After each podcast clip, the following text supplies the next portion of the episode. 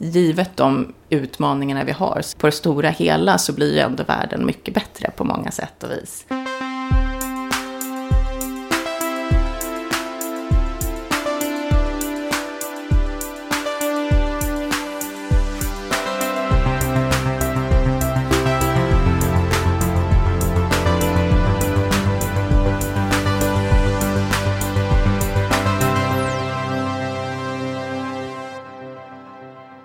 Yes, eh, jag heter Christian von Essen, jag hejar framtiden. Vi är idag på, hos Reach for Change i, eh, vi kan kalla det Kinnevikhuset på Skeppsbron 18 eh, i Stockholm. Jag sitter här med Sofia Breitholtz, vd för Reach for Change. Välkommen till Heja Framtiden. Tack så mycket.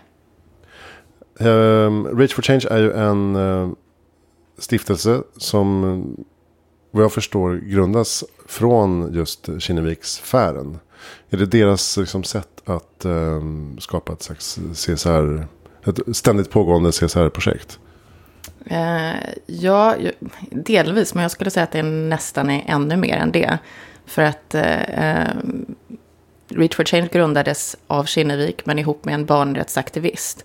Så ett väldigt nära samarbete. Eh, och det är det vi försöker göra, alltså verkligen skapa saker mellan och liksom olika sektorer och olika grupperingar som inte ofta möts. Så att de här två sfärerna med barnrättsaktivisterna och företag och näringsliv hade ju inte egentligen haft någon kontakt tidigare. Så att jag tycker att det är lite förenklat att säga liksom att Kinnevik har grundat det på grund av att liksom de insåg att eh, de skulle eh, starta liksom en CSR-satsning. Eh, utan det, var, det är ett långsiktigt samarbete, en, en långsiktig förändringsprocess. Och sen finns det ju massa affärsmässiga positiva anledningar till varför man ska engagera sig i samhället. Det är en lite speciell modell för hur ni vill göra världen bättre. Kan du beskriva hur eh, upplägget ser ut? Vad är liksom processen? Mm. Eh, vi har ju, alltså vår grundvision är att vi vill göra framtiden bättre för barn och unga egentligen. Så att kommande generationer ska ha det så bra som möjligt. Och det är ju massvis med organisationer som jobbar med det eh, på ett jättepositivt plan eh, som vi tycker är jättebra. Men vår metod är lite unik på det sättet att vi ser att de lösningarna som verkligen krävs idag kanske inte har fått tillräckligt med uppmärksamhet, kapacitetsuppbyggande och skalning för att kunna nå den liksom, effekten som vi vill. Så att vi stöttar social innovation och sociala entreprenörer eh, som har en idé för att förändra livet för barn och unga eh, som vi kan då stötta för att få dem att växa och få ännu mer effekt liksom, att nå ut. Just det, och ni är nästan som en, eh, ett bollplank i deras tillväxtresa också. Vad, vad kan det vara för typ av eh, exempel på affärsidéer eller, eller eh, sociala innovationer som de kommer med? Mm, ja, vi, bollplank är väldigt bra förklaring. För egentligen är vi inkubator, accelerator, eh, stöd. Och då innebär det att vi följer entreprenören på lång sikt, tre till fem år. Eh, de får lite investering, men framförallt så får de kunskap i hur de bygger affärsmodeller, hur de bygger finansiell hållbarhet, hur de hittar kunder, var de hittar kunder och hur de samtidigt kan mäta sin effekt och inte tappa sin vision. Att verkligen göra liksom världen bättre på, på sitt hörn, vilket är det, det som entreprenörerna delar då. Eh, och eh, vi har eh, under de här tio åren stöttat över tusen sociala entreprenörer som har eh, positivt påverkat över fyra miljoner barn. Så det är en fantastisk siffra och det har vi gjort på tre olika eh, världsdelar. Vilket innebär att vi har allting från eh, entreprenörer i Ghana eh, som till exempel eh, motverkar barnslaveri och, och, och, verkligen liksom miserabla förhållanden för barn där och får skapar arbetstillfällen för dem. Till entreprenörer i Sverige som till exempel Peppy Pals eh, som håller på att förändra eh, så att barn och unga ska känna mer empati nu i den liksom digitala världen. Och de har liksom en app och en produkt som de skalar. Eh, så det kan se väldigt olika ut beroende på vad man har för förutsättningar i det landet. Är målsättningen att bolagen ska bli lönsamma också? Absolut, det är ju liksom win-win. Att eh, de både ska hitta liksom en, en, en lönsam och en positiv, en hållbar affärsmodell. Samtidigt som de ska göra eh, en positiv förändring i samhället.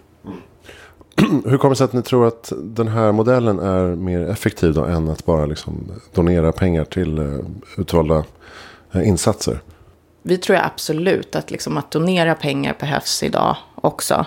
Eh, så att det behövs massa typer av olika kapital. Oftast kan man tänka sig att eh, folk som donerar pengar kanske kan vara lite mer riskbenägna så att de kan ta en tidig chans för att de vill inte ha samma avkastning som en traditionell investerare utan det räcker att det liksom görs gott eh, på ett bra och effektivt sätt. Så att eh, absolut att liksom donera kapital och eh, att man hittar de typerna av givarna, det är jätteviktigt också.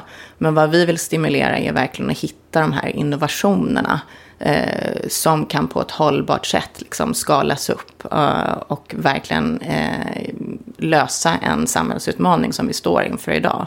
Och då tror vi att liksom, om man hittar en, en lönsam liksom, affärsmodell, men, eller i alla fall en hållbar affärsmodell, så har man eh, möjlighet att få den dels att växa på ett annat sätt, det är det vi liksom menar med att skala, eh, men också att det kan nå ut till fler, eh, fler liksom barn och unga.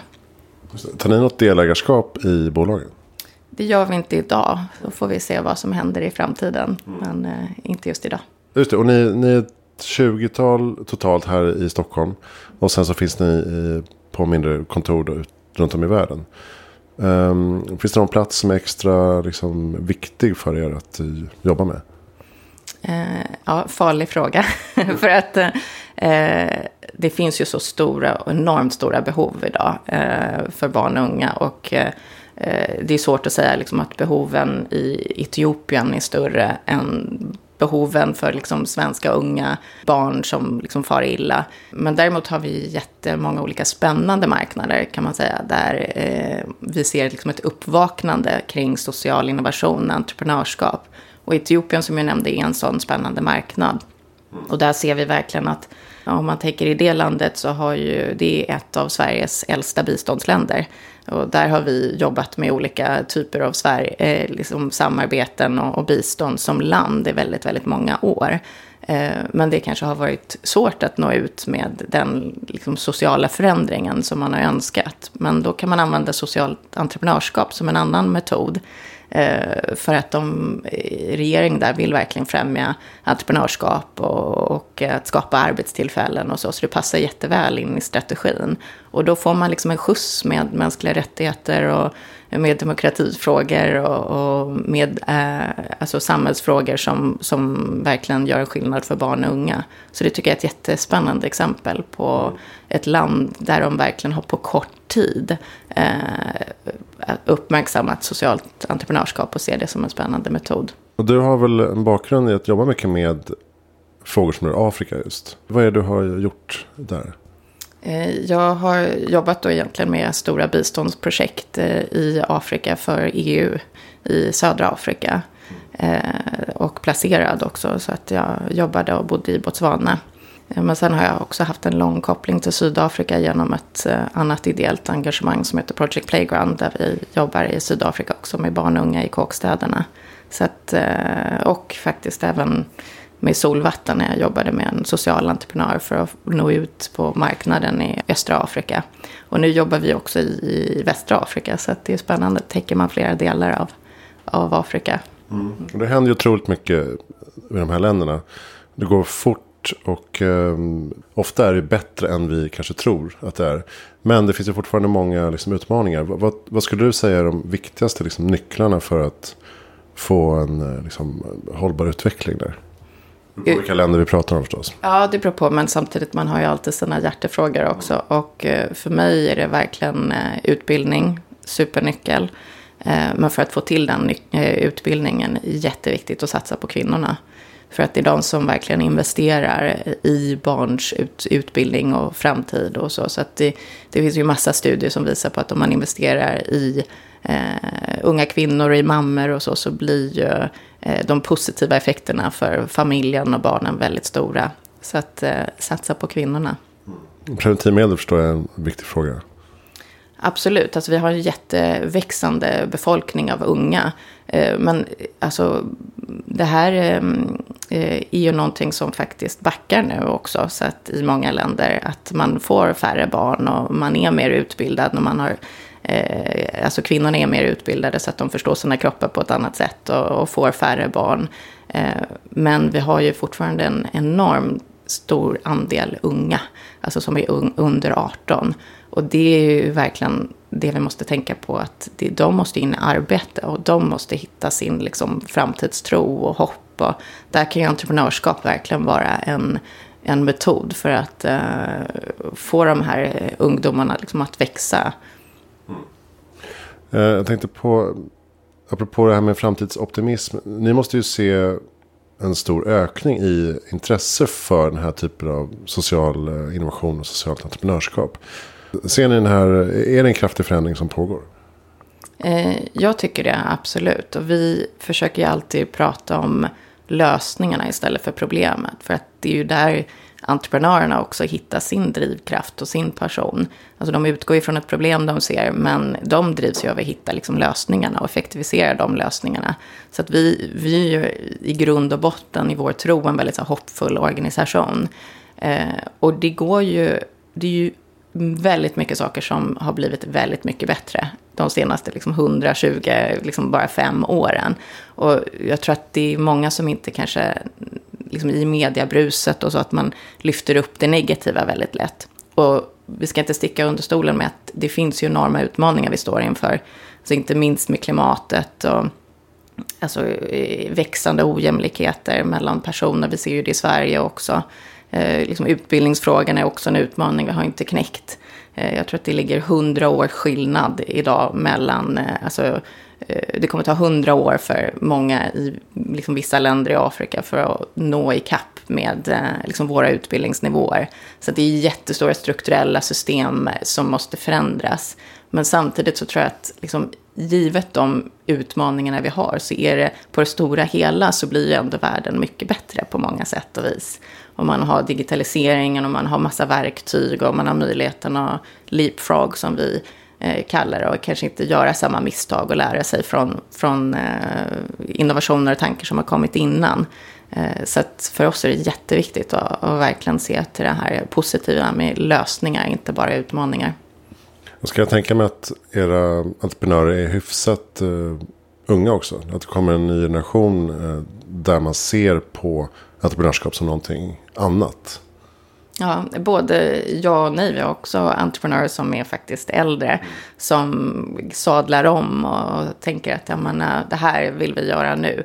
Eh, men absolut, vi ser ju ett växande engagemang från, från unga. Eh, att verkligen en tilltro också till att individen kan skapa förändring. Och eh, att eh, man verkligen har möjlighet att eh, som en enskild individ påverka så det, det är ju absolut en stor trend. Och sen har vi faktiskt många kvinnor i portföljen också, som jag brukar lyfta fram. Så att vi har 68 procent kvinnliga grundare, vilket är jättekul. För att traditionellt sett så är det ju utmaningar med, med kvinnliga grundare, särskilt att nå liksom access till kapital och, och de typen av eh, utmaningar som kanske inte manliga grundare har på samma sätt. Vad är det för typ av eh, kapital man kan hitta hos er då? Om man kommer in i ert eh, system så att säga. Ja, man får ett bidrag, men vår främsta investering är ju att jobba med entreprenörerna långsiktigt och knyta an dem till olika nätverk. Och då jobbar vi med våra partnerbolag. Så det är därför vi säger att partnerskap är så otroligt viktigt. För dels så engagerar vi medarbetare på partnerbolagen så att de har en möjlighet att med sin expertis och kunskap verkligen coacha entreprenörerna. Men också i framtiden så hoppas vi att de här innovationerna kan växa så pass att de kanske kan komma in i olika värdekedjor hos bolagen. Så att man verkligen kan integrera det liksom i affärsverksamheten. Mm. Men eh, blir det också liksom mycket tid som krävs och arbete från bolagens sida för att vara med i ert program? Alltså kan det bli liksom en extra huvudvärk på grund av det? Absolut. Och det, det, ska man inte sticka under stolen med. Och det är därför vi säger att liksom samhällsförändring, det kräver ju mer än att ge en påse pengar till liksom en idrottsklubb eller ge en påse pengar till någon organisation som gör gott. Och som jag sa innan, de, den typen av kapital behövs. Men jag tror att om man ska konkurrera idag på, eh, och framförallt imorgon om talanger, eh, om liksom affärsidéer, då måste man ligga steget före. Eh, och vi ser ju verkligen att medarbetare idag, och främst kvinnor och liksom millennials och även yngre, de vill ju jobba med samhällsförändring och de vill ju jobba med någonting som har en purpose och liksom en riktning. Och eh, då vill man ju engagera sig i andra frågor än bara de som bolagen rör direkt. Om man ska förstå framtida kunder och, och ja, eh, framtida liksom affärspotential så måste man verkligen ha en bredare syn på hur bolag kan komma in och också skapa förändring. Så att det, det, är superviktigt. Men inte sticka under stolen med att det är jäkligt jobbigt för dem. Eh, de måste liksom lägga andra prioriteringar åt sidan ibland. Det, måste, det krävs liksom att det kommer från, från toppen, att det liksom är styrdokument, att det mäts, att det följs upp, att det är långa investeringar, inte liksom en kvartalsinvestering. Eh, och det är inte många bolag idag faktiskt som mäktar med det. Och vi ser ju många som vill, och det är ju jättekul. Men som många också som brottas med hur de ska göra. Mm. Och det förvånar mig verkligen att det fortfarande idag är liksom så svårt. Att man inte riktigt har knäckt koderna. Mm. Hur, hur mäter ni impact då? I brist på bättre svenskt ord. Inverkan. Det är lite svagare tycker jag. Hur, um, vad finns det för parametrar? Eh, Ja, vi är lite nördiga här då, så att vi, vi gillar liksom vår effektmätning, kallar vi det. Eh, och vi coachar våra entreprenörer så att de också ska kunna eh, liksom mäta sin effekt i en, en grundpelare.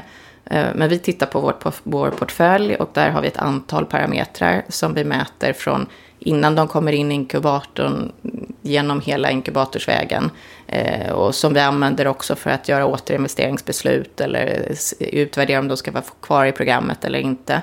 Eh, och det är allting för, från hur bolaget växer ehm, till eh, ja, vad, vad de har för liksom, finansiell eh, hållbarhet och hur det går. Så att den, den primära liksom, effekten på bolaget. Men sen mäter vi också den sekundära effekten eh, som handlar om liksom, vilken påverkan har de verkligen haft på den samhällsutmaningen de är ute efter att påverka. Och då, då får man ibland förlita sig på forskning. Vad finns det för samband till exempel mellan att utbilda barn i, i emotionell intelligens och eh, att eh, kanske skapa, prestera liksom och skapa bättre eh, utbildningsresultat till exempel. Eller, eh, eller sådana bitar. Eh, och så mäter vi inte bara liksom hur många barn de når, men med vilken kvalitet och vilken långsiktig förändring har de verkligen fått hos de barnen. Så det är ett litet arbete att göra. Mm. Men, men det är enormt viktigt att liksom tänka den här långsiktigheten och inte bara antal barn. Utan vad har man verkligen påverkat? Och ständigt ifrågasätta sig. Liksom, gör vi eh, det vi ska göra? Eh, det är mm. det liksom som utvärdering, utvärdering och uppföljning eh, går ut på. Det är inte bara en app som Nej. ligger någonstans. du har jobbat med eh, Ben Jerrys såg jag också. Mm. Vad, vad gjorde du där? Ja, eh, inte bara sålde glass, så det var ju kul. men, eh, nej, men jag jobbade med deras um, social mission. De är ju ett väldigt spännande liksom, entreprenörs, socialt entreprenörsbolag också.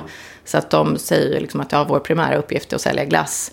Men eh, vi ska också göra världen bättre. Och de är väldigt uttalade i den visionen. Så att de stöttar olika aktivister runt om i världen och, och där jobbar det framförallt med att forma deras program i Norden. Hur skulle det se ut mm. eh, med deras liksom, samhällsengagemang? Okay. Vad är ditt bästa tips för att göra världen bättre i framtiden? Eh, jag tror att den här eh, risken att falla in i den här hopplösheten måste man motverka hela tiden. Och tänka så här att eh, en en person kan verkligen skapa förändring och börja där man, där man är på något sätt. Eh, och se de här, eh, alltså verkligen ha ögonen öppna för de här utmaningarna. Om man ser någonting som man inte gillar, eh, då ska man ha liksom den slags, ja, en, en patos, en, liksom en, en eh, civilkurage och liksom precis en, eh, men kopplat också till det här liksom innovationstanken att ja, vi kan effektivisera och hitta eh, sätt att göra saker smartare och bättre på. Och då, måste man, då får man inte hålla tyst, liksom. utan då måste man ju prata om det. Eh, så det, jag tror att det här första steget är enormt viktigt, att tro på individens kapacitet. Mm. Har du bra lästips i de här ämnena? Oh, uh, det måste inte vara relaterat. Ja. Uh, nej, men just nu läser jag um, Dare to Lead. Mm. Brené Brown, mycket bra. eh, det är en helt annan podd, men kring, kring ledarskapsfrågor. Och, som jag också tycker är enormt spännande. För att det är ju en koppling med individens möjlighet att påverka och eh, ledarskap och team och hur vi måste tror jag, leda team på ett helt annat sätt i, i framtiden. Eh, där jag tror att empati och förståelse och kommunikation och sådana värderingar är enormt mycket viktigare än vad de har varit tidigare i liksom hierarkiska eh, nivåer. Alltså nu, nu bygger vi ju jättemycket förändring bygger, bygger ju på nätverk. Och hur man kan hitta och liksom optimera och, och verkligen samlas kring frågor och mobilisera eh, kring, kring olika frågor. Och för att göra det och kunna liksom leda en sån förändring då, då ställer det särskilda krav på en ledare. tror jag man måste känna sig själv väldigt bra men man måste också vara modig och eh, våga liksom, för att få med sig folk måste man liksom eh, ha lite av de här mjuka värdena. Eh, och inte kanske de här traditionellt, skulle jag säga, lite mer manliga ledarskapsegenskaperna. Vem tycker att jag ska intervjua i Heja Framtiden? Eh, jag eh, tycker ju eh, Helene Barnekow är jättespännande vd på Microsoft. Jag tycker hon har väldigt spännande tankar kring ledarskap och så. Så att eh, henne skulle jag gärna höra. Mm. Vi provar. Eh, bra, tack snälla Sofia Breitholtz eh, för att vi fick komma hit. Och prata Reach for Change. Tack. Tack. eh, gå in på reachforchange.org, eller hur? Precis. Om du vill eh, läsa mer om hur de jobbar och eh, kanske till och med ansöka. Hejaframtid.se, där hittar du allt annat du behöver veta. Tack för att du lyssnar. Hej.